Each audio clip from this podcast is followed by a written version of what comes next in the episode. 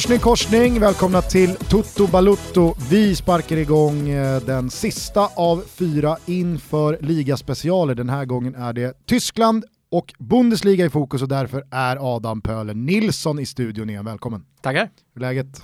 Det är eh, bra. Det är lite, eh, jag kom precis hem från semestern så det är lite att komma ikapp. Men eh, man kan säga att man ser på min kroppsform att det är bra. Jag skulle säga det, du ser, ut att, du ser ut att ha dunkat på ett par pannor. Ja men jag fick frågan faktiskt idag hur många liter öl de, jag skulle gissa på att jag druckit och så att ja, men jag tror i alla fall att de senaste sju dagarna så har jag nog alltså lätt dragit i mig 20 liter. Och det är bara öl. Och sen så är det ju annat på det. Så att, eh, det, det har varit en jävla supersemester och jag har mått skitbra faktiskt. Härligt, då är du lite sådär uh, fylld av energi och sugen på att prata tysk fotboll. Det brukar man ju vara efter semester. Absolut, absolut. Det går inte att komma ifrån. Men det, är, alltså det har varit en jävligt skön sommar. Jag tycker det är skönt också när andra taggar ner på sociala medier och sånt. Det har varit rätt lugnt efter VM och sen så när man väl kommer tillbaka så får man ju, alltså man, man blir ju rätt förbannad när man slår upp sitt Twitterflöde i augusti jämfört med i juli. Och helt plötsligt så börjar Ja men vissa börjar vakna till liv, man är jävligt trött på vissa du människor. vet att det är valfritt vilka man följer? Ja, det är det. men vissa måste man följa, men jag, jag, tycker bara att det har blivit, det blir jävligt konstigt eh, inom vissa gebit där eh, det är samma röster som hörs om och igen och säger samma sak och man känner bara att, vad fan lägg ner nu. Har det inte hänt någonting under sommaren? Ska du älta det där igen? Ja men exakt, man eh, och så kan vinna lätta poäng och det ena och det andra så att eh, på det sättet så är jag liksom, jag har jävligt mycket energi för jag är jävligt förbannad på folk också. så att, eh, Härligt då med en, eh, en, uh, lillpöl som en lack. En bra lösning är ju annars att liksom muta folk. Då ser det ut som att man följer och så kan man gå in och kika lite när man vill. det är fel. Ja, ja det, jag gör inte det. Jag säger bara att uh, det låter som att Pöler är i akut Svanemar är ju mutad hos mig. Eh, skitsamma, eh, jag skulle bara säga det att eh, den där eh, lite tjockare kroppshyddan är ju säkert också ett resultat av en lite tjockare plånbok. Det brukar ju vara så Thomas. Ja, så är det. Där är ju känslan att Pöler verkligen har satt sprätt på sin nyrikedom. Eh, och att det har satt sig i byxlinjen. Inte men, lika men. mycket sexappeal som när pinnen var här förra veckan. Säg inte det. Det, det luktar fortfarande sex i studion. Så det, finns Vädra. det finns ju olika liksom, eh, fack av sexapil. Eh, nu så ska vi inte prata om det utan vi ska prata om Bundesliga-säsongen 18-19 som rullar igång imorgon fredag 20.30 när Hoffenheim åker till Allianz Arena i München för att eh, hålla nere siffrorna. För visst är väl känslan att återigen så går Bayern München in i säsongen som eh, superfavoriter. Ja men det är väl ingen snack om saken, även om de har bytt tränare, egentligen inte tagit in några större namn, det är väl Goretzka som har kommit in, men eh, det är inget snack om saken. Det är inget annat lag som har förstärkt så pass mycket så att vi kan förvänta oss att det ska bli liksom ett titelrace år, utan Kovacs kommer leda hem det där guldet till, till Bayern igen.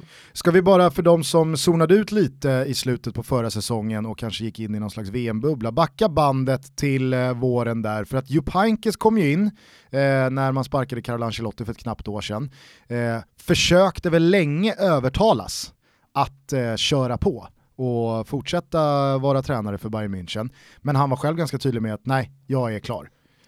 Minst sagt, alltså det sa han ju redan från början, jag kommer bara tillbaka för det här. Och vilka namn var uppe för en konkret eh, fråga under eh, ja, egentligen den här processen då? Alltså Bayern gjorde ju bort sig helt och hållet eftersom att man fullföljde hela tiden det här Harkens-intresset trots att han så tydligt sagt att jag tänker inte vara kvar, jag har inga planer på det, jag vill tillbaka till mitt pensionärsliv. Eh, och då hade ju det andra namn som var på listan som man redan sades ha gjort klart med var ju Thomas Tuchel. Men han hade ju vissnat på att vänta för han kände att eh, okej, okay, så intressant De tror på mig men uh, uppenbarligen inte så mycket som de vill till med direkt nej, utan de tar in en pa gammal pensionär istället för att leda det här laget. Ja, men, det förstår man ju. Ja, nej men precis så var det. Och han fanns i dialogen, så han var ju det namnet som framförallt Rummenigge ville ha. Och sen ville Hörnes inte ha honom för att Tuchel är en kontroversiell figur om man nu ska säga det så. Så att det blev ingen av dem. Och Big Bad Wolf Hönes är ute igen från fängelset. Ja. Och nu är, alltså, är, är, är han, han är toppdog. Ja, han är tillbaka på en nivå, där, åtminstone medialt, utan tvivel. Ja. Men är det hans beslut i, i slutändan vem som tränar Bayern München? Indirekt ja. Alltså det är Rummenigge som har liksom skrivit på pappret.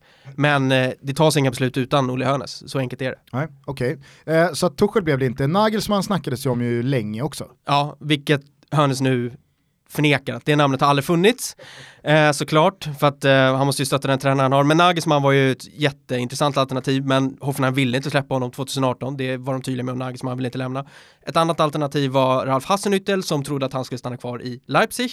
Fick ju inte förlängt i slutändan och då fanns egentligen bara ett namn kvar eh, för att man ville, man hade ju tvärt sagt att vi ska ha en tyskspråkig tränare. Det pratades ju lite om att Pochettino var intressant men då fanns bara Niko Kovac kvar och alltså han har gjort ett jättebra jobb i Frankfurt så att, men det var ju Känslan är ju också att Pochettino, eh, det ska mycket till om man ska övertala honom att, att flytta oavsett hur stor klubben är och hur mycket pengar man kan erbjuda. Alltså man flyttar ju inte från att träna ett Premier League-lag som har gjort det så bra, som är byggt efter honom med den konkurrensen och dessutom finns det ju ännu större klubbar som är intresserade av Pochettino till att åka till ett nytt land där man inte kan språka någonting och träna ett Bayern München som ska vinna ligan. Alltså det, utmaningen är mycket mindre.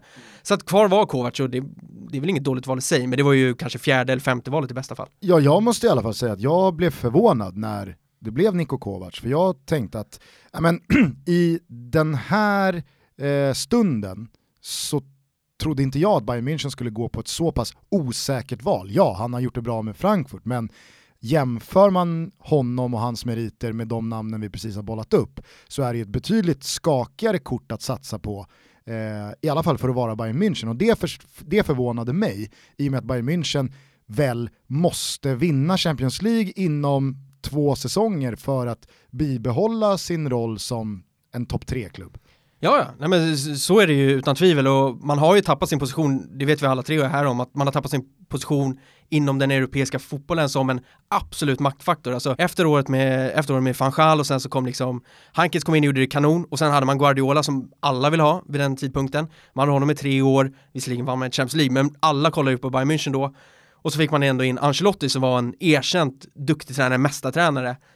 Och nu så sitter man med Niko Kovacs, alltså det, det är ju rätt djup dal man går ner för att hitta Kovacs där. Och ser man inte heller också det på Bayern Münchens trupper kontra alltså 13, 14, 15, 16 där när Guardiola eh, kom som någon slags eh, slutpunkt och nu, vilka stora namn har egentligen gått till Bayern München de Ja, senaste men- tre åren? Och, och det kan ju mycket väl vara, om man kollar på andra storklubbar som har agerat liknande tidigare, eller som har hamnat i sådana här situationer, alltså det kan ju mycket väl vara på grund av att man inte riktigt litar på Kovacs till 100% utan man vill se vad han går för.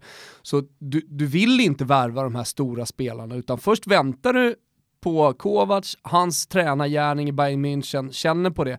Är de sen liksom eh, väldigt eh, nöjda i, med, med, med det sportsliga och med hans eh, eh, arbete, då är jag helt övertygad om att man kommer komma tillbaka och värva jättestora namn. Men jag tror att eh, deras transfersommar hänger ihop med att man har en tränare som man inte fullt ut litar på och således också kanske inte vill sätta en viss typ av toppspelare i händerna på.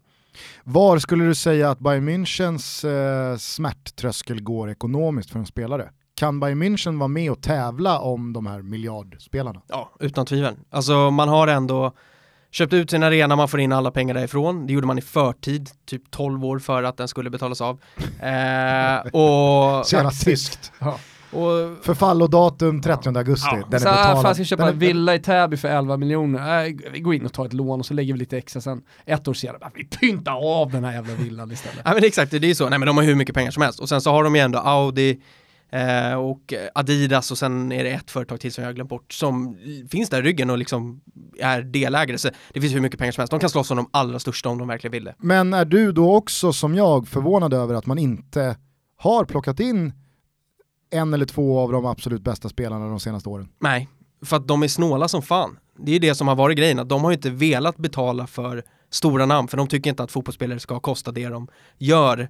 För att de har inte anpassat sig till vad som är realitet idag, utan de lever kvar i vad det var 2010 liksom. Ja, och det rimmar ju med liksom en oerhört amatörmässig enkel 12 sekunders analys att Bayern München har fortfarande ett överlägset lag för att vinna Bundesliga, men ställer man det laget mot övriga trupper som har tänkt att vinna Champions League så blir det max en semifinal. Ja, ja. Nej, men så är det ju. Alltså den enda egentliga liksom, stora stjärnan som idag finns i truppen är väl Lewandowski trots ett värdelöst VM. Så han är ju det enda liksom namnet som jag tror andra klubbar kollar på och tänker den där som är liksom lite över Bayern München i näringskedjan och tänker att honom skulle vilja ha. Men alla de här som var det för ett par år sedan, Müller och de, de har ju tappat. Alltså de är ju på väg någonstans det, ner. Det är intressant också för jag är helt övertygad om att vi har lyssnare som inte har följt Bundesliga speciellt nära de senaste åren och, och funderar lite, kollar, eller när man tänker på Bayern München, vad är det för namn som ploppar upp? Självklart så Lewandowski. Men säkerligen någon som ställer sig frågan, vad har hänt med Robben och Ribéry? Och svaret är, äh, men de finns där fortfarande. De spelar på varsin kant när de är skadefria fortfarande i Bayern München. Ja, nej men så är det. Och det är ju de positionerna man har liksom utmärkt som att nej, men de här behöver vi köpa nya till och det är där pengarna ska gå. Men så länge de vill fortsätta och så länge de håller ändå kvaliteten nog för att, som du säger, vinna Bundesliga, ja men då behåller vi dem för att då behöver vi inte pynta mer pengar. Det sägs att man ska göra en aggressiv satsning nästa sommar och att man ska då kunna tänka sig att betala upp mot åtminstone en miljard för en spelare. Men jag är tveksam. Inte om man är 33 dock, om man Nej. får tro Rummenigge. I min värld så var det Rummenigge som sa de här grejerna. Om eh, Cristiano Ronaldo? Om, när Cristiano Ronaldo gick till Juventus så, så var det ett hyfsat kritiskt uttalande då, till Juventus-ledningen eh, som, eh, där Rummenigge menade på att 100 miljoner euro, det tänker vi minsann aldrig betala för en spelare som är 33 år. Nej, och då har man gjort en rätt dålig marknadsanalys av vad det utöver kvalitet på planen ger till en klubb. Mm. Eh, vad, vad, vad, tror du själv om eh, Bayerns säsong då? Alltså, kommer man återigen se den här tyska jätten bara mala sönder allt i sin väg inhemskt och göra jobbet i Champions League och vara med i kvartsfinalerna där framåt mars-april? Alltså det blir ju spännande att se. Eh, Kovac är känd för att eh, stå för väldigt liksom, fysisk fotboll, alltså de ska vara vältränade och de ska vara verkligen, han är ju väldigt tysk med maskineriet, så jag tror att de borde ju städa av ligan rätt snabbt det kan komma vissa problem. Jag tror att Kovac ändå är rätt trygg i att ja, men jag kommer kunna leverera för att motståndarna är inte tillräckligt bra. Så enkelt är det ju. Liksom. Känslan är ju att de snarare blivit sämre. Alltså Leipzigs satsning känns som den har stannat av ganska rejält. Eh, Schalke, visst gjorde en jättebra säsong i fjol, men sen så ser man ja men så här, Goretzka lämnar, Max Meyer dyker upp på Sellers Park och jag har inte noterat någon större värvning in till Schalke. Dortmund såg jag bara för några dagar sedan ha problem med Greuter Fürth. Eh, alltså, vem ska ens kunna röra dem? Nej men exakt, så att de, det, det är ju där problemet är, att de har ju ingen riktig utmanare, så även om Bayern inte kommer göra en bra säsong så kommer de vinna, för att de, de är så långt före alla andra. Det, om det, vi, det om vi blickar lite där bakom, alltså Dortmund är det nog många som är lite nyfikna på vad det är som händer. Eh, vem tränar? Vad är det för nyckelspelare idag? Eh, jag la märke till att eh, Mario Götze gjorde en bra försäsong och har hyllats en hel del till exempel. Lucien Favre är ju tillbaka i Tyskland, hämtades ju från Nice. Var ju den tränare de egentligen ville ha. Diskuterades ju när de tog in Tuchel om Favre skulle komma redan då. Det blev inte så när Tuchel försvann så ville man ha Favre och det slutade med Peter Bosch och hela den historien. Och det, Flopp. Flopp, Peter Stöges kom, kom efter. Kom från Ajax ja. och det gick inte alls bra. Ingen, nej det gick ju bra de första sju matcherna när de var helt överlägsna och sen så bara tokföll det. Lite som Oddo. ja, verkligen. Ja, det är bättre än Clara Cedorf i alla fall. Eh, får vi se. Men Cedorf kanske dyker upp i Dortmund en dag också, vem vet? Ja, vi får väl se ja, nu hur först det... göra slarvsylta av Kamerun. ja, det är jävligt spännande att följa. Ja, nej men det, det blir spännande med Favre, för han, han, passar nog rätt bra in i Dortmund. Detaljstyrd och kan den tyska fotbollen och sådär. Lämnade väl Bundesliga superhyllad efter sina år i Mönchengladbach? Ja, det gjorde han. Och då hade han inlett säsongen med fem raka förluster och de gjorde ju allt för att behålla honom i Mönchengladbach. Men han ville inte vara kvar. Han kände att han har gjort sitt, nu är det dags. Han har velat gå inför den säsongen men de vill inte låta honom gå. Så att det blir jättespännande, jag tror att han passar dem rätt bra, han spelar en, en klassisk tysk fotboll ofta och han har Marco Reus som han hade i Mönchengladbach och det stod där kommer bli otrolig nyckelspelare för dem. Men sen har de ju genomgått en, en växling, de har gjort av med Jarmolenko som kom in, flopp. Innan du fortsätter, bara på det Thomas sa om Robin och Ribéry. Exakt samma sak är det med ytterbackarna i Dortmund. Vilka lirar eh, ytterback i Dortmund nu för tiden då? Ah, det är Schmelzer och Piszek. Som var skitbra 2012. Ja, ja visst. De, de tuggar ju på. Med Klopp. Ja, ja, det gör de. Det gör de. Uh, utan tvivel. Men det är skönt, för de gjorde sig av med Sokratis, vilket Arsenal-supportrar har ju sett att det är... Alltså att Arsenal-supportrar och andra på riktigt liksom så här kanonvärvning. Ja. kanonvärvning. Det hade, ju, det hade varit bättre att ta Subotic. Ja, ja. ja, verkligen. Och, ja, men det, så det har kommit in, de har Akanji där som har kommit in och eh, så hämtar de ju en till mittback som jag glömmer bort i stunden. Eh, som ska vara jättebra ung kille. Eh, förträngt, ja strunt samma. Och Men så, annars är det fortfarande... det är Royce, Ja men det, det, är, det är en stomme av eh, yngre förmågor i då Dahoud och... ja exakt, och Weigel och, och- Weigel och, och gänget. Så att, nej, men de, de har ju mycket yngre och sen kommer Witzel in, som många ser fram emot. Just det, han är tillbaka. Ja, Mm. och det var en de kämpade på väldigt länge. Han gick ner, vad det sägs att han har gått ner, alltså 10 miljoner euro i årslön. Jo men för- det säger ju mer om eh, liksom, Hans kvalitet. ja, Asien. kinesiska ligan. Ja, i och för sig ja. Men eh, så det blir ju spännande att se. Ja, en värvning jag inte alls förstår som de gjorde tidigt var ju den av Thomas Delaney från Bremen. Som för mig, det, det är helt obegripligt att en klubb på den nivån värvar en spelare som i mina ögon är liksom han, Europa League-klass. Det, alltså han är så Jag älskar honom men det, ja, men det är, bara mentalitetsspelare hans- liksom. Ja exakt. Fuck Bremen, Ja. det är annars ledord som präglar den här Dansk i. Bremen, det, ja. Ja men det blir spännande, jag tror att det kommer ta tid för Dortmund innan det sätter sig, men de ska ju vara där uppe och de ska ju garanterat ta en Champions League-plats, det är inget snack om saken. Precis, Dortmund ska ju kvala till eh, Champions League. Eh, bommar man den chansen så blir det i alla fall gruppspel i Kom på Europa att de ska ju inte kvala, för det här är ju året när alla storligor har fyra lag direkt i gruppspel. ja exakt. Så då ska de spela Champions League. Ja. Eh, Ja, men det är nytt, det, det, Ja. det är ju bra att eh, våra lyssnare får reda på det också. Man har ju gjort om där, alltså att eh, de stora ligorna är garanterade fyra lag. Och Tyskland är ju fortfarande en av de stora ligorna. vad, vad ger det då för ingångsvärden i eh, kravbilden på Borussia Dortmunds säsong skulle du säga?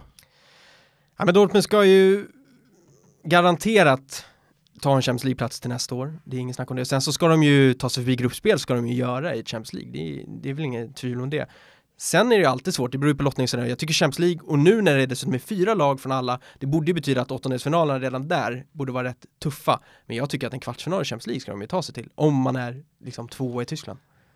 När vi är inne och pratar om eh, Dortmund då, så är ju den stora svenska, eller det stora svenska intresset självklart kring eh, Alexander Isak. Vi har nåtts nu i slutet av sommaren av uppgifter eh, som menar på att Alexander Isak minsann inte har någonting knappt i den här truppen att göra och man tror inte på honom längre. Eh, och det är väl Favre som har kommit in då och, och dissat honom, det var inte hans köp en gång i tiden. Eh, vad, kan du inte uppdatera oss lite på status och hans sommar? Ja, men det har varit intressant att följa för att när han kom in så var det ju verkligen omhuldat eftersom han valde dem framför Real Madrid på något sätt, det var så man såg det. Eh, och fick ju chansen, det var ju, Tuchel hade ju aldrig sett honom, det var ju ändå lite rabalder kring det, men det, det kändes som en bra värvning och han fick ändå sitta på bänken ibland och sådär. Nu så hade jag nog trott att han skulle få en framskjuten då, för att vi ska ändå minnas att Favre hade Ergota i Mönchengladbach som han gav chans på chans på chans på chans. Och jag tror att Oscar Wendt sa att Ergota var liksom, det var som Favres barn, det var den han skötte om, så jag hade nog trott att det skulle vara något liknande om Isak. Jag läste en intervju häromdagen där han sa att han, han ser kvaliteten i Isak, men att det är fortfarande en väldigt ung spelare och han behöver liksom mer speltid på på daglig basis är bättre än i den liksom, nivå han spelar nu. Han spelar i regional liga vilket är tyska division 4 och det är inte jättehög nivå och gjort sina mål utan han, han behöver ju speltid och då är ett, en utlåning är ju ett alternativ. Vad jag har förstått också med det som eh, har talats om ett hjärnpsyke, starkt mentalt, en, en, en kille som liksom borrar ner huvudet och gör jobbet, kavlar upp armarna och, och allt det där. Att, eh, att han kanske inte har skött sig exemplariskt under sommaren heller. Att han har varit, varit Kanske, det hemma. har han ju inte. Det har han ju inte, ja, men var, var, festa mycket och, och den grejen. Liksom. Ja, och det är klart att det spelar in för att man ska ändå minnas att det finns ju inte många anfallare i truppen. Alltså det, det finns ju inte många allt. Det är Maximilian Philipp som kommer troligtvis ligga längst fram. Aldrig hört. Nej, kom från Freiburg. Alltså Aubameyang är ju inte kvar och de har ju liksom skeppat den ena efter den andra. Man tycker att det är någon gång han borde få chansen så är det nu. Eh, du har ju Sancho, engelsmannen, den unga. Han har ju en bättre chans helt plötsligt än Isak och det känns som det var tvärtom bara för liksom ett år sedan. Och det som du inte nämner här, det måste jag säga är det som förvånar mig mest. Det är att han med ett sånt beteende, alltså festar var och varannan dag här hemma i Stockholm, vilket är confirm, så att det är liksom ingen ryktespridning, eh, är ju att det, det talar ju för att liksom, han inte vill.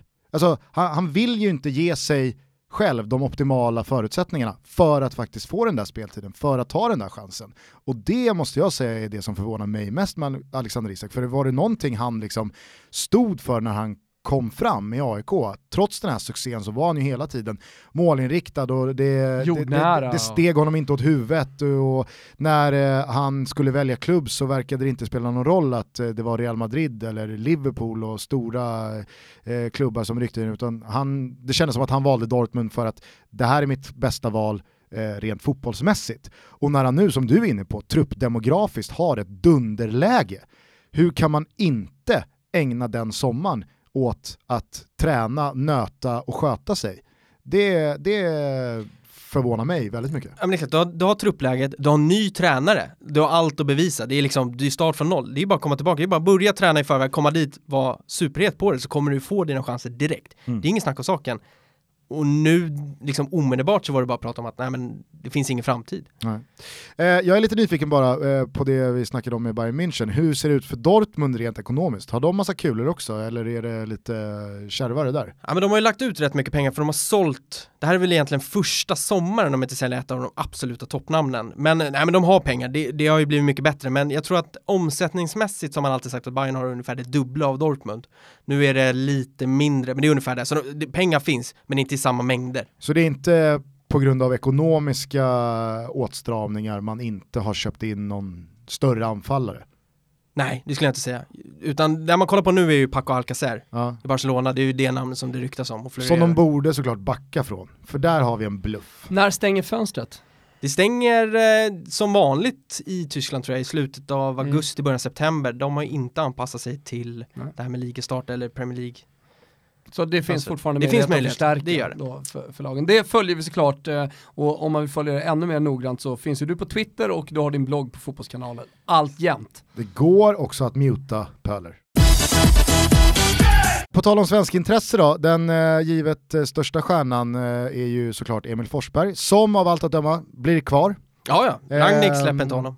Det, det känns ju som att eh, Leipzig inte det budet de ville ha för att ens överväga att släppa honom. Nej. Och det, det... var väl lite mer eh, Emils egna fel? Ja, alltså förra säsongen var ju inte särskilt bra. Nej, och sen så kommer ett VM där han ja, nej, men alltså, inte alls motsvarar förväntningarna. Ja.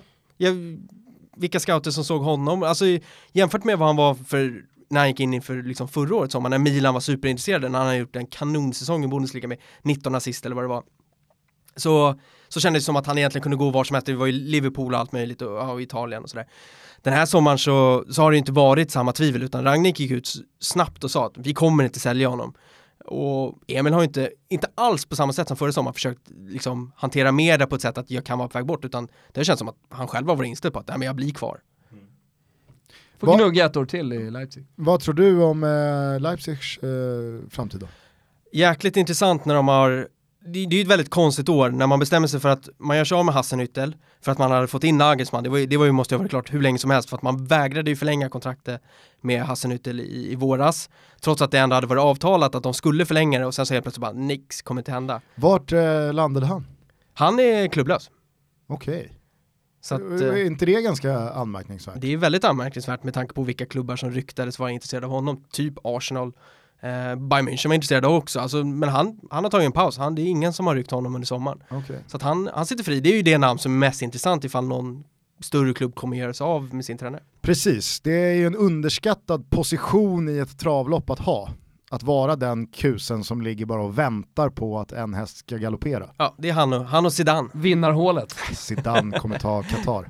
Se när Mourinho försvinner från Old Trafford och Hassenhütte kommer in med sin, så ska de köra Liverpool mot, mot uh, United med Klopp och Hassenhütte. Oh, nej, alltså Hassenhütte kan inte hamna i United. Det är klart han inte Då kan. blir det ju Zidane ja. i sådana fall. Ja, men det är klart han inte kommer hamna där. Nej, men det, det, är intressant, eh, för med Ragnik så får man ju tillbaka en, alltså en tränare som alla vet är enormt skicklig. Han kommer köra både sportchef och Alltså han kommer vara en klassisk manager, både sportchef och tränare egentligen. Så det blir spännande att se, jag tror att de kommer göra bra, men de har ju en extremt tunn trupp och med Keita borta som, man har ingen ersättare för honom. Man har värvat in en ung fransman, en ung argentin och en ung brasse tror jag är mer eller mindre det man har värvat, de är 19 eller 20 år. Och sen så, alltså man har ju haft som policy hela tiden sen det här projektet sjösattes att man inte egentligen värvar eh, spelare över 23 år eller vad fan det var och att eh, det, det, det, ska läggas en viss summa på truppen, inte mer. Vi kommer inte dansa med de stora elefanterna vad gäller ekonomiska utan vi tror på andra, eh, andra framgångsfaktorer. Ser du att det börjar ta stopp nu? Alltså är det hit Leipzig kommer med sina metoder eh, eller eh, kan man liksom kan man hota om den där ligatiteln på riktigt utan att eh, köpa de bästa och betala vad det kostar? Kan kan man, men inte över tid. Jag, alltså någonstans, det var ju så otroligt mycket snack om hur mycket pengar Red Bull skulle gå in med och det har de ju gjort inte specifikt i spelare, inte längre. De visar inte upp att de har de stora pengarna för att värva, även fast vi vet att det finns pengar i Red Bull. Så är det inte så att de trycker in massa pengar för att de ska förvärva spelare, utan nu försöker man ju organiskt växa. Men det är klart att förr eller senare skulle det ta stopp. Alltså man gick ju rätt igenom ligasystemet mer eller mindre, Sluta tvåa första säsongen i Bundesliga.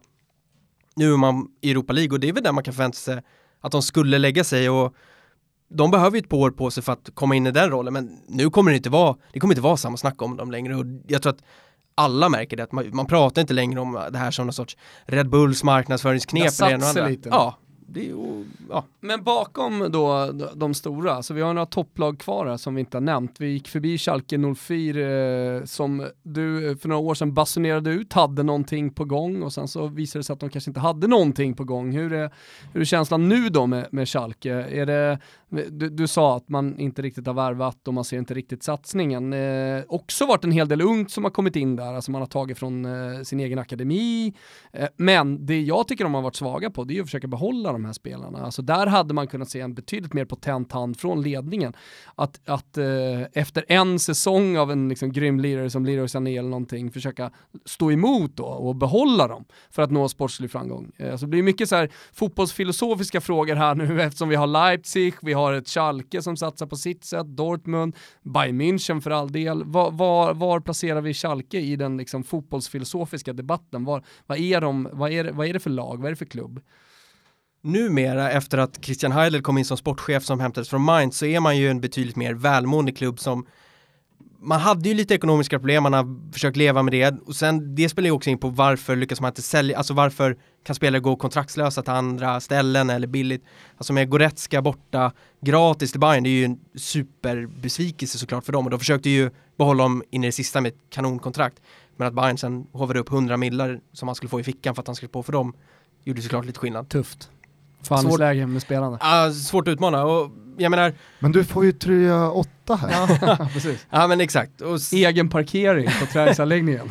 Men sen ser de här Max Mayer var ju knepig, det är klart man ville bort med honom, han gjorde sig svår. Eh, Tilo Kehrer som man nu sålde till PSG för 37 miljoner euro är ju ett, det är ett rån, alltså det är ju, de pengarna har de aldrig fått. Jag fattar inte hur PSG tänker så jävla mycket pengar på en mittback som visserligen har spelat men inte har varit så bra. Alltså det, det, det, det, de, de måste ha firat något enormt på kontoret när det skedde. Eller så har Tuchel verkligen sett något i honom. Och ja, bett, om honom, bett om honom specifikt. Ja, absolut. Det absolut. Det, enligt Bayern så var det ju Boateng som liksom var andra alternativet och de ville ha rätt mycket pengar för en 30-årig skadad mittback. Så att, ja. Men Kehrer är ju bra, men alltså de har tagit in Mark Ott, de har tagit in andra intressanta spelare som, som kommer att, som inte kostar så mycket men som kommer få dem att liksom bredda truppen men de, de saknar ju spets. Mm. Så att de kommer Vad är spetsen? Där. Bredden. Mm. ja men alltså, så, alltså, så någon spelare, om, man ska, om du skulle, om du liksom skulle gå igenom Schalke och nämna ett par nyckelspelare som man ska ha lite koll på. Är det guys? Nej, guys har ju också försvunnit. Han var utlånad till Sevilla, han är tillbaka, vill de skeppa troligtvis, även fast jag tror att han hade kunnat passa rätt bra inom. En som är en nyckelspelare som inte är en framtidsspelare är ju Naldo i mittlåset som, vad är han, 36 år nu? Och är ju fortfarande fantastisk med hela sitt sätt att vara på plan och visar ju att ibland så där med ålder spelar inte så stor roll så länge man fortfarande har kvalitet och han tillför ju någonting extra i laget eh, som är extremt viktigt för dem. Men annars, det, det är ju det som är grejen, det finns ju inga riktiga stjärnor kvar. Alltså den här riktiga liksom, det här är spelaren. Och det måste man ändå tycka är ganska så anmärkningsvärt med tanke på att man ska spela Champions League-fotboll för första gången sedan typ 2010. Ja, något sånt måste det vara. Ja. Då gick man, senast måste väl ha varit när man gick rätt långt va? Man var väl i semi? Semi, slogs ut mot, eh, kan det vara United eller inte? Inte kan det vara, när inte vann 2010. Mm. Men, eh, nej, men det, det, är klart att det är jätteintressant, men det, det kanske är så det ska funka. De har tagit in Tedesco som tränare som han, han, får ju ut mycket av väldigt lite. Det har han ju visat på de få stationer han har haft. Han gjorde det bra i Aue och nu har han gjort det bra i Schalke. De spelar ingen publikfriande fotboll, men de spelar en vinnande fotboll och han kanske, det kanske inte passar honom att ha superstjärnor för att de spelar ju inte den typen av fotboll där det ska vara tekniskt glänsande utan det ska vara hårt arbetande spelare och det är det de har tagit in. Vilka har vi längst fram där? Burgstaller är ju den som Just det. finns där och det, alltså det, jag menar, ah, Burgstaller. det är ju Just inte kanske den man tänker på i första hand som, som Nej liksom, men jag gick tillbaka i huvudet så tänker man så här, Huntelaar är borta, Choupo-Moting är borta, Di Santo, han har väl också lämnat? kommer de skeppa också. Ja. Ja, så att, och då tar man in en kille från Nürnberg som var bra där, ett Zweite Bundesliga och nu gör han ett hårt jobb liksom längst fram i Schalke och gör det bra.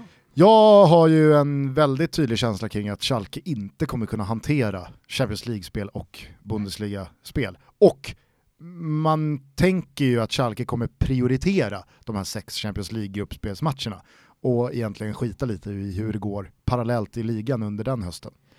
Absolut, det är så pass mycket pengar så det finns ingen anledning till att inte sikta på det och Alltså det är det som är spännande, lyckas de med det så är det ju sensationellt för att använda ett Hasse Backe-ord. Det, det vore ju otroligt om de skulle ta sig vidare i gruppspel och hålla sig kvar i en toppstrid i Bundesliga. Finns det en möjlighet? en möjlighet finns Ja, det men det är väl den bristande konkurrensen i så fall då.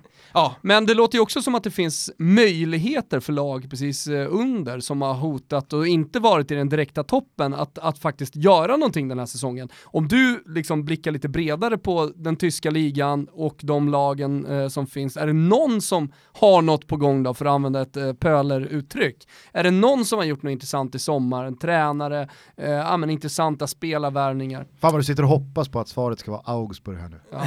Nej, det, det vet man ju, det är liksom, det är, tyvärr. det är ju det är, det är ju lite eh, Bundesligas Kevo va? Det händer inte så mycket. När Nej. Augsburg valde att gå på Sydkorea-spåret så kände man, nej nej, det här är, ett, det här är en tankevurpa. de, de har ju den bredaste truppen i Bundesliga tror jag, jag tror de har sett 32 eller 33 spelare av- av Men truppen. det spelar liksom ingen roll för att Augsburg är fortfarande lite av en eh, eh, satellitstat till Florens, var så under hela renässansen. Och man är den enda staden i hela Tyskland, kanske hela världen, vad fan vet jag, som har sin egen helgdag och det, det sker under, ja någon gång i augusti så har det varit när man dricker en massa bärs och man firar gamla stordagar. Sånt Så gillar att jag du. menar, ja, eh, Augsburg eh, ligger mig väldigt varmt om hjärtat. Och jävla vad fina de var i Europa League här för några år sedan när de gick in i Grupp L.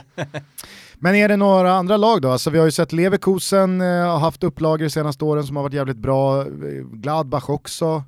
Wolfsburg eh, under den tiden, liksom. Volkswagen satsade stort. Ja, men ska man kolla på de som kommer vara där uppe så är det, det är Bayern, det är Dortmund, Leverkusen, jag Backe ringde mig när Kiese Thelin blev klar, ja hur det ser ut i anfallspositionen där då. Och sen så kom vi fram till att ja men det är Kiesling han ska ersätta för det, det, det var ju det.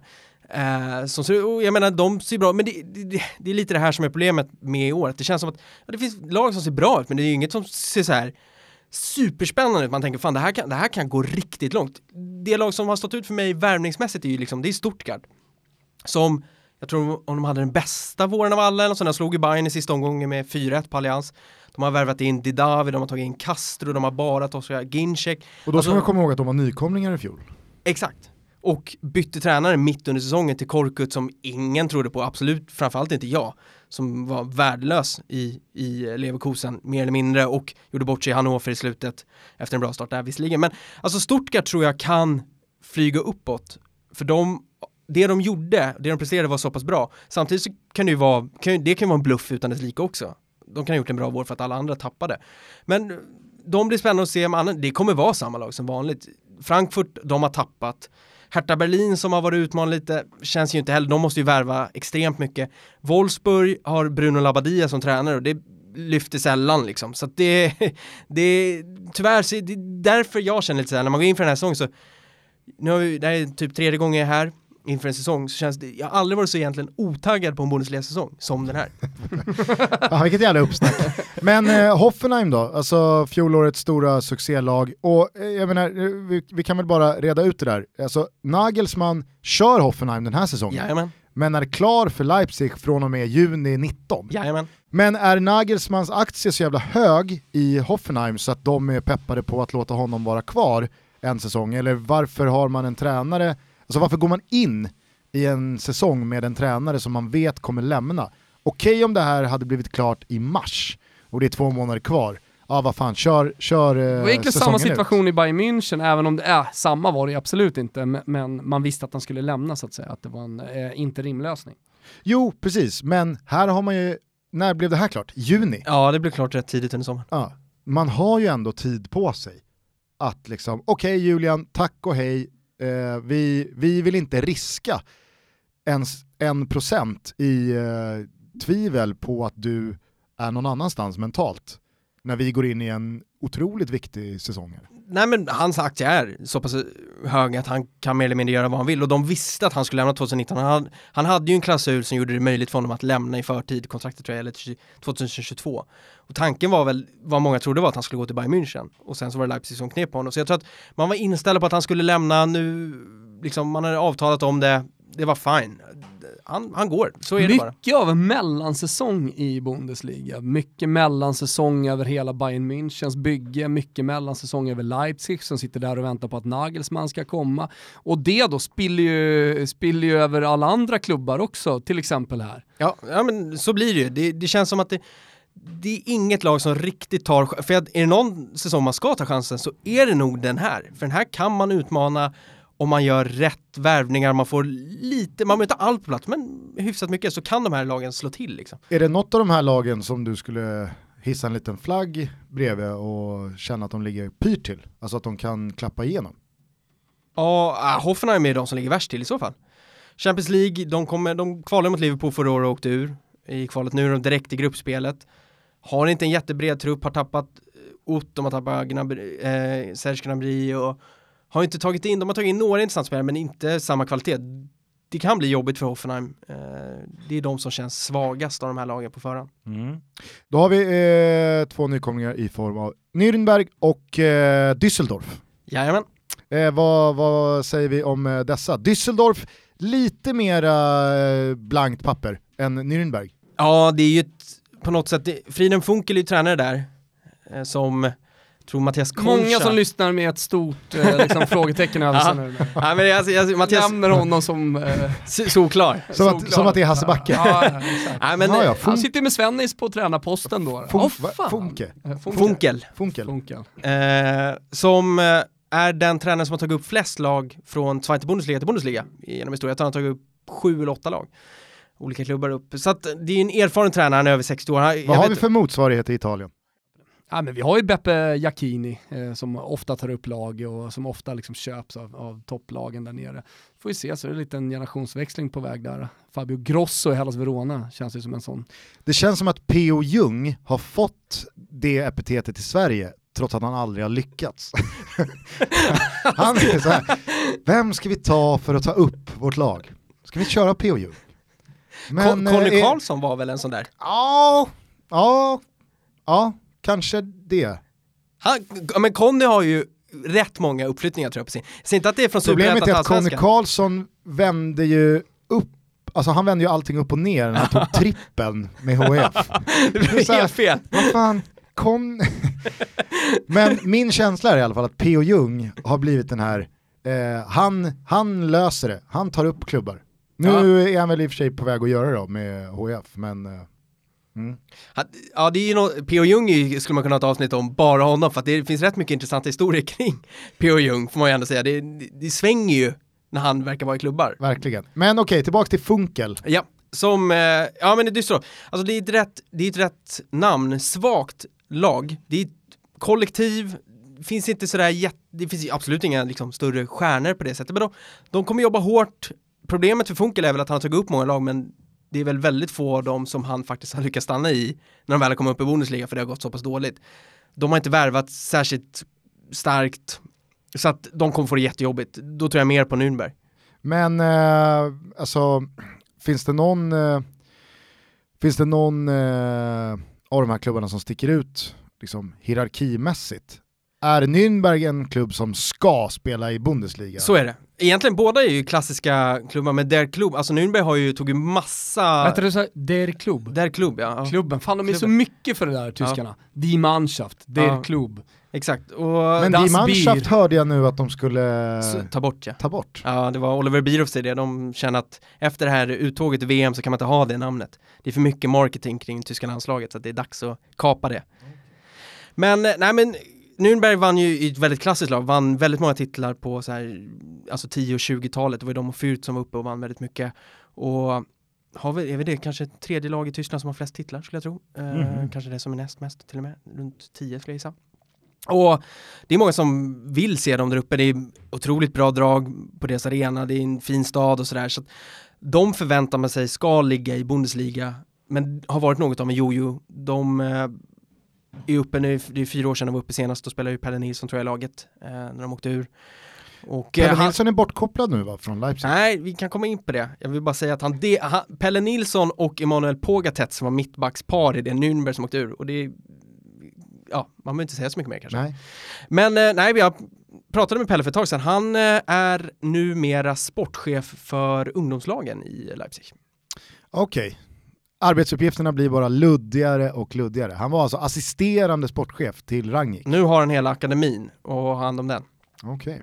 Eh, så då kan ju alla eh, farsor och morsor där ute Mm. som eh, tänker vilken klubb utomlands ska jag sätta min eh, son i för att det ska hända? Eh, då kanske Per Nilsson är ett namn man ska söka upp på LinkedIn. Ja, varför inte? Det, det är väl inte omöjligt att det kan ske saker där. Han är ute och scoutar för fullt. Så att eh, det kommer nog hända saker där förhoppningsvis för svensk del. För att det är en fin akademi, så det är inget snack om det. Men Nürnberg måste ju ändå nämna att Mikael Ishak spelar där och att det blir superintressant att se om han kan följa upp det han gjorde i Zweite Bundesliga målskördsmässigt i Vad Bundesliga. Jag tror han gjorde 14 mål. Och då var han ändå skadad under en eh, större del. Eh, eller en del i alla fall. Så att det blir jätteintressant och han är ju en, han var ju väldigt bra i Zweite och de kommer spela samma fotboll som de gjorde där. Kontringsfotboll, omställningsfotboll. Så att eh, det är inte Fråge, omöjligt. frågetecknet lite där är det som du nämner, skador Ja. och att han inte har varit 100% i de senaste åren alltid. Exakt, för annars så är det ju minst sagt ett intressant namn inför Nations League om man skulle börja prestera i Bundesliga eh, att ha med för Janne. Ska, alltså ska vi på riktigt börja säga Nations League? Vad ska vi annars säga? Ja, så EM, EM-kval. Fast det är ju inte EM-kval. Finns det inte ett det är EM-kval ett också? EM-kval Fast, nation, också. ja, fast Så- Nations, League är ju också ett EM-kval. Jo, fast det är ju väldigt svårt att gå hela vägen. Du måste ju typ vinna Nations League Men, och så får eh, du en plats i... Går vi i då in i ett mästerskap här nu om två veckor? mer eller mindre. Alltså en turnering. Ja, en det är en en turnering. landslagsturnering med ett jävligt fint eh, Jag undrar bara pris hur i vi ska förhålla oss till det. Liksom så här, Ja, men det, det är ju svårt att förhålla sig till någonting så nytt och som man också vet är en flopp redan innan det börjar. Jo, det är ju, man, kan ju inte, man, kan inte, man kan inte förutsätta att det här kommer bli någonting som ska vi veva vi om 20 år pratar fortfarande om Nations League, utan då kollar man i backspegeln och bara, kommer du ihåg när de hade Nations League? Lite som Royal League i Allsvenskan. Jo, men jag, jag, jag är fortfarande helt ambivalent till huruvida man ska rulla ner rutor och tuta om vi slår Turkiet eller om man ska hänga med huvudet Alltså, eller om, om det, det- kvittar det. det- Om det är så att vi vinner skiten så är jag ganska övertygad om att vi går direkt till EM. Men är det buckla? Men är det, Det är inte, klart det är. vin, vinner inte alla skiten? Är det inte så att varje grupp, alltså är det något Davis Det är Cup-liknande? Det är Ja, men det är, ja, det är som Davis Cup, du åker upp och ner i en liga och Och vi hade, vi hade för en gångs skull tur med lotten, har jag förstått. Ryssland och Turkiet. Ja, Ja. Eh, skitsamma, eh, Ryssland seglat upp och den dagen- turkarna är hungriga. den dagen, den sorgen. Var, var var du på väg någonstans när vi kom in på Nations League? Nürnberg, Ishak, Just det, jätteintressant att se. just det, du kan tänka dig att han knackar lite på dörren. Det tror jag absolut han kommer göra om han håller sig frisk. På tal om Ishak då och eh, tysk-svenskar, eh, det bär ju emot i den här studion, som ni alla vet, som har varit med ett tag, vet att vi hatar Werder Bremen över allt annat. Fuck Bremen, så att säga. Eh, men där finns ju Ludvig Augustinsson, numera också Felix Beijmo, eh, som jag har hört via pålitliga källor, är helt jävla tagen av hur hög nivå det är. Och har själv liksom ställt sig in på att det blir inte många minuter för mig den här säsongen, utan det kommer vara se och lära för att shit, här är det 1 och 2 och 5 jack upp från Allsvenskan och Djurgården. Det var, det är faktiskt rätt komiskt för att eh, jag satt och läste en, en tysk sporttidning häromdagen. Jag kommer inte ihåg vilken det var. Eh, och där, stod, där hade de gjort lite analyser inför säsongen om hur Fan det man läser många tyska sporttidningar per dag, när par. man inte vet vilken det var man läste. Men, eh, och där stod det, de, brukar inte, de hade gjort en summering av liksom lagen lite så här det ser ut. Och just, i, of, ofta nämner de inte namn, men i Bremens fall, Fall. Så var namnet, så var namnet Felix Beijmo med, som omnämnt liksom, just för att de sa att Felix Beijmo har värvats in för att in, inte för att spela, utan han är en, han är en avbytare. Gebre Selassie är etta och Beijmo kommer få hoppa in när Gebre Selassie är borta, men det är liksom, han är inte ens nära startelvan. Ah, okay. Eh, men eh, Ludvig Augustinsson då, där har vi ju eh, en spelare från en annan hylla. Minst sagt, som hade möjlighet att lämna Bundesliga och om han hade velat så hade han säkert gjort det. Kanonvärmning av Bremen som har varit bra, han spelade närmare 30 matcher förra säsongen, gjorde det bra i Bremen som, som överraskar, som ändå är på gång. Bra VM också. ett mycket bra VM och jag tror att han han är ju tvärgiven i det laget så det, det, kommer nog bli en väldigt bra säsong för honom. Ser du att eh, alltså en klubb som Bayern München, har de koll på Ludvig liksom? Nej, inte, inte just nu i det, den situationen de är så är han, han är inte riktigt där det beror lite på, det beror inte bara helt på honom utan det beror på att Bremen inte riktigt utmanar på den nivån som de vill. Han skulle behöva spela ut i Europa för att liksom vara på riktigt såhär, nu kommer Bayern in och plocka honom. Mm. Får jag bara, jag gillar inte att vi är så svepande kring den Nations League. Eh, vi kan vara lite tydliga. Eh, det är så, om Sverige vinner sin Nations League-grupp och sen misslyckas att ta en eh, EM-plats via det vanliga kvalet så får man alltså en extra chans att playoffa sig in i EM. Så där har ni. Så att det är ingen buckla? Eh, verkar inte vara någon buckla. Utan, uh, uh, det, det, är 20 lag som går till EM via vanligt EM-kval och sen fyra lag som går då via eh, Nations League. Så och det, gör, vi... det gör att det vanliga EM-kvalet som skulle ha börjat nu, det finns inte. Eller det, eh, det, är uppskjutet till 2019, så i mars, då kommer det vanliga EM-kvalet börja. För den och sen så är det slutspel vi... i, i, sommar, blir ett slutspel i Nations League till de som går vidare. Har vi, fått, har vi fått den gruppen? eh, i Nations League. Nej, EM... Eh... Um, EM-kvalgruppen. För att vi har ju Ryssland och Turkiet, det är väl våran Nations, Nations, League. Nej, utan jag tror att det lottas efter eh, att den, det här Nations League-gruppspelet har, har spelats. Okay. Så att än så länge så vet vi inte vilka vi kommer möta EM-kval. Nu är det fullt fokus på Nations League, vi ska slå Turkiet och vi ska slå Ryssland. Det vore bra för Sverige. Slår vi dem så är det bra, men inte liksom vi bokar Kungsan bra nej, och hylla det våra Nations League-hjältar. Du skulle kunna fira ungefär, ja men säg att du bajare då som, eh, som pöler och, och, så vinner du en match i Svenska Kuppens gruppspel i februari. Ungefär så kan du fira. Gröna jägaren alltså? Ja, ja. Gröna jägaren, eh, precis. Eh, planka eller fläsknoset, black and white och en stor stark för 79. Det räcker. Eh, Albin har ju lämnat Bundesliga, kvar i Oscar Wendt. Eh, är, är, han eh, på väg neråt eller eh, hur är Wendts status? Han känns så jävla bortglömd i Sverige. mycket om Göteborg i sommar. Ja, det har pratats väldigt mycket om att han ska återvända och han har ju sagt att han ska återvända till IFK. Frågan är vilket skick han kommer i då. då? Om du är trött på liksom, samma gamla skiva som spelas på Twitter så är jag så jävla trött på 86ernas WhatsApp-grupp. Oscar Wendt, Wernblom, Marcus Berg, Bjärsa va? Ja. Där de är. Berg inte 87 va? Nej, nej. Okay. Eh, men där, det, det snackas ju alltid. Ah, vi har ju en eh, sms-grupp där vi har sagt till varandra flera gånger att fan det vore kul att spela ihop igen i Blåvitt. Alltså, jag är trött på att höra det. Åk hem och gör det då, de behöver det nu. Ja, minst sagt. Uh, ja. Hur går man vidare från den? det var det jag kände. Eh, vänt, jo nej men han kommer spela, han är ju lagkapten. Ja. Och eh, fortsätter, men han börjar bli till åren och de har värvat in en framtida ersättare, Andreas Paulsen, som kommer sitta på, på bänken och sådär, men vänt given. Och Mönchengladbach däremot blir spännande att se, eftersom de slutade nia för andra säsongen i rad och vill vara högre upp. Där kan det börja krisa rätt snabbt. Vem är det som uh, tränar Gladbach? Dieter Hecking, polismannen. Ah, ja, ja, ja, ja, dunjackan. Mm. Gamla dunjackan. polisen. Eh, körde ju ett par säsonger för mycket i Wolfsburg innan. Ja, absolut, men Wolfsburg har ju sett att de gjorde av med honom. Men eh, ja, nej, han var ju, han har gjort det bra, alltid bra i början och sen så har det ju alltid dalat tyvärr. Han var ju i Nürnberg också med Pelle och det var när eh, han lämnade Nürnberg som det dalade där. Eh, Wolfsburg då, på tal om dem? Ja, gör de en ny satsning här mot toppen igen eller? Nej, alltså de har ju jättestora krav på sig från Volkswagen att uh, lyfta, men... Uh, Skönt sponsor, Aha. eller ägare, eller, Fan, ja, men de är ju ägare, de är Jo, ägare, men, men ändå, det, alltså, i min värld så är det ändå en, en ekonomisk deal på något sätt, alltså klubben är klubben. Jag menar nu när man pratar om tysk fotboll ska vara 51% regler och det, det är fansen som som eh, bestämmer och så vidare. Fan, om vi helt plötsligt börjar snacka om att Wolfsburg styrs av, eh, av Volkswagen och att det är de som på något sätt sätter agendan, då måste man ju få ryta till lite. Ja, Eftersom ja. alla hyllar den tyska fotbollen så jävla mycket och, och 51% Det är klart det är så. Ta Det- bort den där skiten säger jag. Volkswagen sponsrar väl eh, 18 av de 36 klubbarna i de två högsta divisionerna Ja, i Tyskland. tänk, tänk dig vad fint det hade kunnat bli med Wolfsburg om det inte fanns en 51%-regel. Då hade de kunnat gått in och bara tokmatat med deg. Allsvenskan har väl blivit Volkswagens satellitliga. Ja, det är Ja men det kan man många verkligen varumärken. lugnt säga. Alltså, Volvo och eh, Volkswagen har ju krigat om allsvenskan, supportrarna, lagen och så vidare. Men eh, det känslan är ju att det är Volkswagen som har liksom tagit över ligan.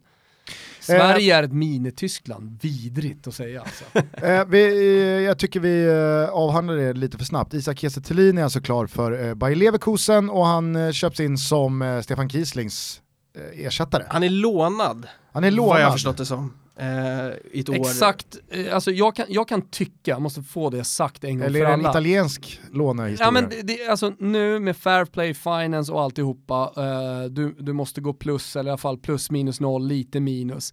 Eh, så ser man till att hantera det. Därför så finns det liksom lånekontrakt med optioner, med, det finns optioner som är eh, tvingande, det finns optioner som är lite mer eh, flytande och så vidare. Alltså, lån in, han är i Tyskland, han ska spela där nu och han ska göra mål där. Jag, ett tag kände jag, oj vad tråkigt, nu har mitt lag bara värvat in en spelare på lån, då känner man ju sig inte så här, kan man inte ta till sig honom. Men nu är alla spelare med optioner och klausuler och allt möjligt, så jag orkar inte ens tänka på det där. Nej det är väl ingen som ser på Mbappé som utlånad till Nej, PSG, nej, men på nej, pappret så är han väl Man, man, Utlånad. man hittar vägar att gå för att undvika, framförallt Fair Play Finance, eh, ganska stenhårda regler. Du kollar på klockan eh, Pelle, vi, vi, vi rappar på här. Nej men det, det, det Ja. är inga problem. Men, Nej. nej. men han, är, han är utlånad och han kommer in som Kieslings ersättare på något sätt. En, en längre snubbe som är bra i box, bra på huvudet, kan spela target och vara med. Och han har ju chanser att spela för att de har egentligen bara Lucas Alarius som är ett alternativ där framme och han har varit lite formsvag. Så att, så att han är första alternativ.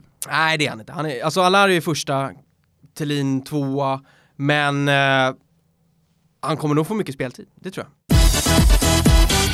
Du har precis som eh, våra tidigare gäster, Hoffman, eh, Svanemar och eh, Pintorp, fått eh, sätta ihop en eh, egen liten långtidstrippel borta hos Betsson.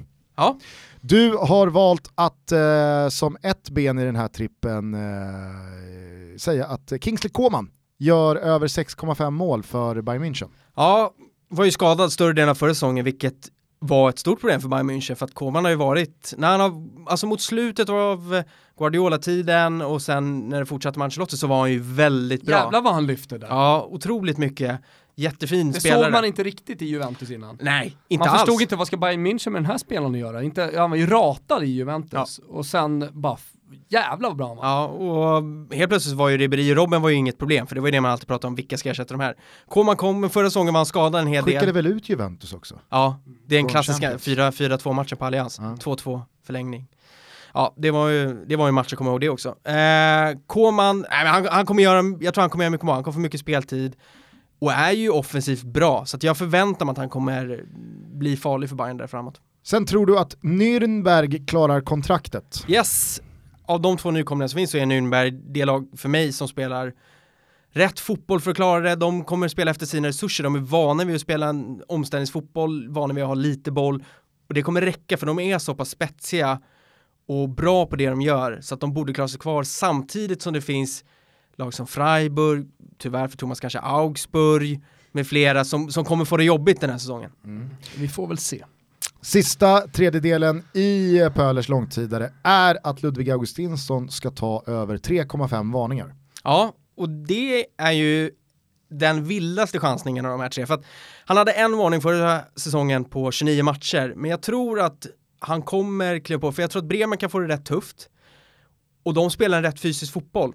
Så att det kommer nog smälla och man såg lite tendenser tyckte jag ändå under VM på att det, det kan blixtra till hos Ludde. Så att jag förväntar mig att han kommer dra på sig en hel del varningar, även fast han är mer en offensiv än en defensiv spelare. Men han kommer få mer ansvar och jag tror att Bremen, Bremen kommer få det lite jobbigare defensivt. Så att jag förväntar mig nog att det, det kan eh, hållas uppe ett par ostskivor.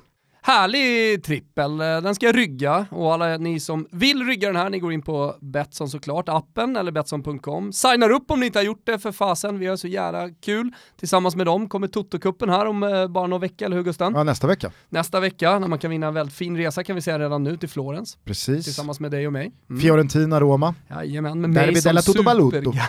Jag, jag har ju rest med er så jag vet ju hur mycket den här resan är värd Mm, vi var i i Hamburg upplevelse. vi var i. Hamburg ihop. Framförallt så kan man säga så att Tuttokuppen är ju så otroligt jävla rolig att eh, vara med i. Där man då alltså ska sätta en singel på fredagen, förvalta vinsten på en dubbel på lördagen och om man tar sig vidare till söndagen så är det all in på en trippel. Eh, I våras så eh, drog ju vinnaren in över 31 000 spänn. Och ett jävla dunderpaket till eh, Ryssland och VM. Så att han hade en bra helg och nästa fredag så kör vi alltså Tuttokuppen igen. Mer info om det senare. Godbitar, boostade odds, där hittar man Pölers i alla fall eh, härliga långtidare. Precis. Tänkte bara säga en sak då, på tal om eh, våran resa till Hamburg, en sak slog ju mig där, det är att de röker så inåt helvete de röker också på lokal i Tyskland. Därför skulle man ju vilja eh, så här slå ett slag om, jag vet inte om ni har varit med på det här eh, eller om eh, ni kanske blir lite nostalgiska när jag säger det. Non-Smoking Generation, kommer ni ihåg det här? Ideella initiativet, en eh, fristående organisation som 1979 lanserade en uppmärksammad t-shirt med sitt budskap i stort print på framsidan. Minns ni detta eller? Alltså, inte 79 var du inte, född, men inte i minns du, realtid. Nej, men minns du non-smoking generation? Ja, absolut. Ja, det, det blev samma år i alla fall det mest sålda plagget i Sverige. Och nu, nästan fyra årtionden senare, lanserar Stay Hard, som också är med oss i Totobåten, en kollektion t-shirts och hoodies med det ikoniska budskapet tryckt över bröstet. Eh, och jag snackade lite med Robert Axelsson som är försäljnings och marknadschef på Stay Hard. Eh, eh men han, han menar på att när, han gjorde, eller när de gjorde en kollektion, en nostalgisk kollektion med Alex och Sigge i deras podcast. Säkert några som lyssnar på Toto som också lyssnar på Alex och Sigge. Eh, som de kallar för barndomsminnen så fattar de att det klassiska plagget fortfarande väcker känslor. Va? Eh, så att på fredag så kommer eh, lanseringen av sköna Non-Smoking Generation-plagg att finnas på Stay Hard. Och eh, då kan vi också påminna om att man får alltså 20% med koden TOTO på alla eh, kläder med ordinarie pris. Så ni som sitter nu inför hösten och är lite sugna på att tjacka nya kläder, gå inte ut på eh, shoppinggatan utan surfa bara runt på Stayhard. Eh, Stayhards härliga hemsida. Kollektionen släpps alltså nu på fredag den 24 augusti på stayhard.se. Priset är 249 kronor och kollektionen är begränsad, så rappa på. Vi kan väl också, när vi nu är inne i en eh, lite mer eh, sponsortyngd del av det här avsnittet, eh, prata lite om eh, Strive med Adam som vi har jobbat med inom eh, fotbolls-tv-branschen. Eh, Strive sänder ju från och med eh, någon vecka sedan eh, La Liga och Serie A för eh, alla som vill betala ynka 79 kronor i månaden. Eller en 500 för hela säsongen. Ja, för, eh, för ett år till och med. Och man vet ju aldrig vad som händer i sommar. Det kommer säkert dyka upp spännande grejer. Vad vet jag? Hur som helst, nu får man alla matcher i La Liga, alla matcher i Serie A. Vad, vad säger du om det här Adam? Alltså, alltså jag tycker att det är fantastiskt. Det är ju bara synd att Bundesliga inte är en del av det. För jag tror att Alltså det ger ett sånt värde när du har flera ligor i ett paket och priset är oslagbart. Alltså du betalar bara för fotbollen, du betalar för det du vill ha. Och en 500 för två toppligor liksom under en Ja, men känns det som noll? Otroligt. Ja men det är ingenting. Ja. Alltså, Även för den allmänt breda fotbollsintresserade. Ja, men jag pratade med min svärfarsa häromdagen. Hur ser La Liga och Serie A idag? Ladda ner appen, Jaha, vad kostar det här då? Det blir väl mycket pengar då, van med liksom, de stora drakarnas eh, 500 som man ska pröjsa varje månad. de, Ah, nej, nej. Eh, Det kostar bara 79 spänn. Det var ju bara att lägga in kortet direkt vet du. Så satt han med La Liga och Serie A. Nej men det är det behöver som är så sjukt när du sitter och jämför så ser du att okej vad de tar för två ligor på en säsong tar andra för en liga på en månad. Och det, det säger det mesta. Även om du inte nyttjar det mycket så kommer du, alltså det är bara pröjsa så du har det där, du, du kommer tjäna igen pengarna. Och sitta med det. Det. Jag, jag tycker att det är fantastiskt, hade Bundesliga varit där så hade de kunnat höja det, ja, för min del så hade de kunnat höja det rätt mycket eftersom jag kollar på det. Men det, det känns ändå som att de, de vill göra något nytt och det behövs, det behövs nya figurer i branschen som vågar testa nya grepp för att det är lite dödfött på nya idéer och förr eller senare, om det inte är dem så hade det varit, då hade det varit ett större bolag som hade, alltså då hade det varit Amazon eller Facebook eller något. Då är det kul när det kommer ett sånt här bolag som faktiskt säkert kommer pröva väldigt många nya grejer och inte gå i gamla fotspår som vi har varit Alltså vi har jobbat i det, vi vet att det ser likadant ut på nästan alla kanaler, vissa gör det bättre än andra. Det, är, fräscht, det är Mm. jäkligt fräscht. Appen finns där appar finns, eh, annars så går det också väldigt bra att signa upp sig på strivesport.com. Så är det. Då kan vi väl bara som en eh, avslutning eh, köra ett litet snabbt frågebatteri. Vilka vinner? Bayern. Vilka joinar de i topp 5? Det kommer vara, till Champions League kommer det vara Dortmund, jag tror att det kommer vara Leverkusen, jag tror att det blir Schalke och sen så har vi Europa League så blir det då Leipzig och så säger vi Stuttgart. Vilka åker ur? Düsseldorf kommer att ryka, jag tror att Fre- Freiburg får det svårt. Eh, vem eller vilka kommer pressa Lewandowski i skytteligan?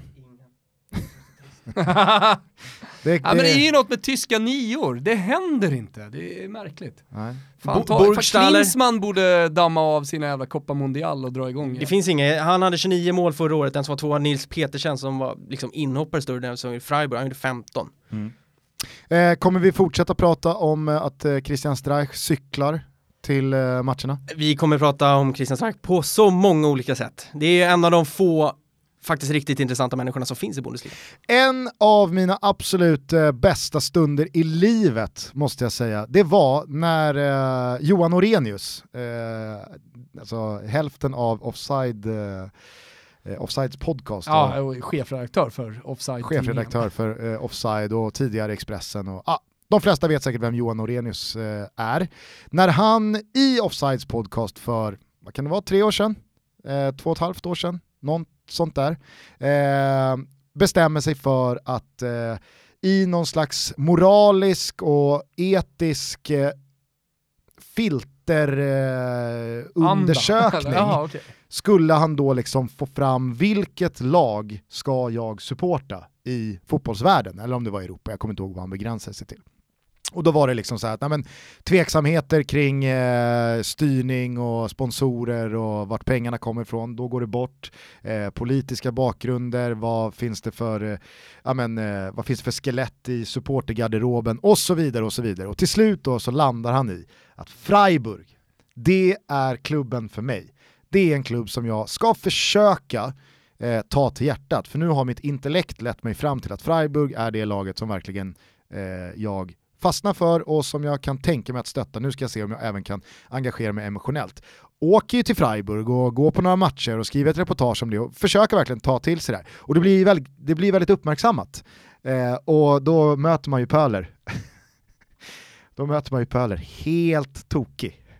Jaha, nu, här har man jobbat för den tyska fotbollen i hela sitt liv och man har slagit slag för Bundesliga och man är liksom dedikerad med hjärta och själ för att lyfta den här sporten. Och så kommer Orenius i något jävla experiment och blir Freiburg-supporter. Ah, Sveriges eh, mest kända eh, tysklagssupporter. Fy fan!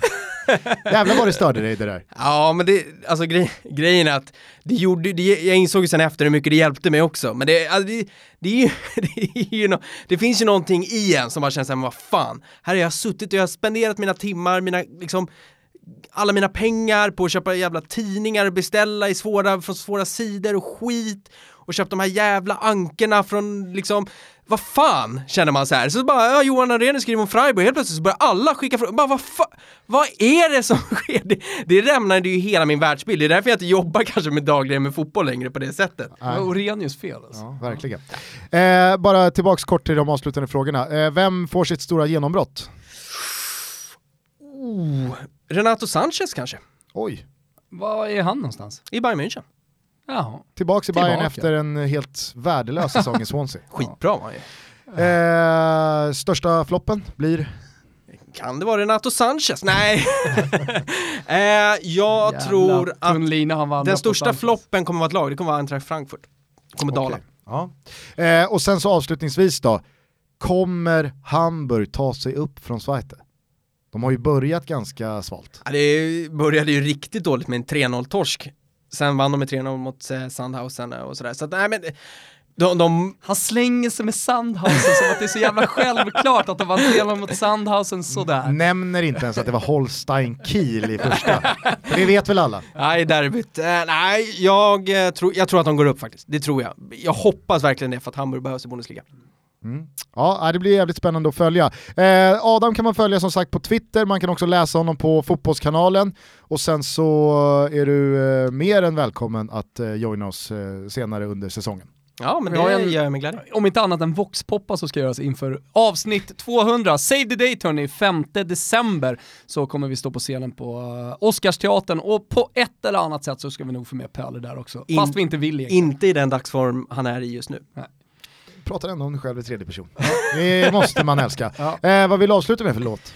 Jag, eh, det roliga var att jag visste att jag skulle komma hit, så jag har ju funderat på det här hårt och länge. Nej men det, alltså det, det, det finns... Det blir ändå noll och noll luftballong den här gången också. Ja, men grej, grejen var att jag måste försöka vara lite modern, jag lyssnar inte på så mycket modern musik. Så att det blir Ghost, och deras senaste platta så finns det en låt som heter Dance Macabre. Så han gör Så allt den. för att inte vara Sveriges yngsta 60-talist. Alltså, han kämpar emot. Jag trodde det skulle komma någon, någon, någon techno här Alpha- från. Berghain eller så. Men ja, Hade han fått bestämma så hade det varit Alphaville, såklart. Forever Young. Ja.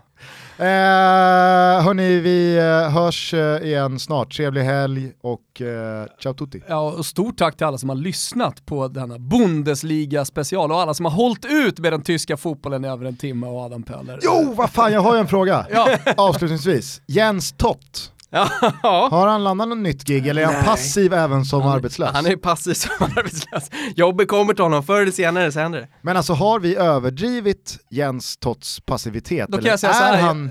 Jag hade en diskussion med Albin om Jens Tott. Eh, där fick man det snarare bekräftat än någonting annat. Att han är passiv? Drömgäst. Jens Tott? Ja. Säger ingenting. Avsnitt 200. Bara- Han, bara, han är bara passiv. Där har, du, där har du en uppgift för mig. Ja, fuck. Hitta Jens Ja, Tott. hitta Jens Tott och lös honom till avsnitt 200. Det är enda du ska pyssla med när du går ut på nästa studion. Hör! Så, Ciao! ciao tutti.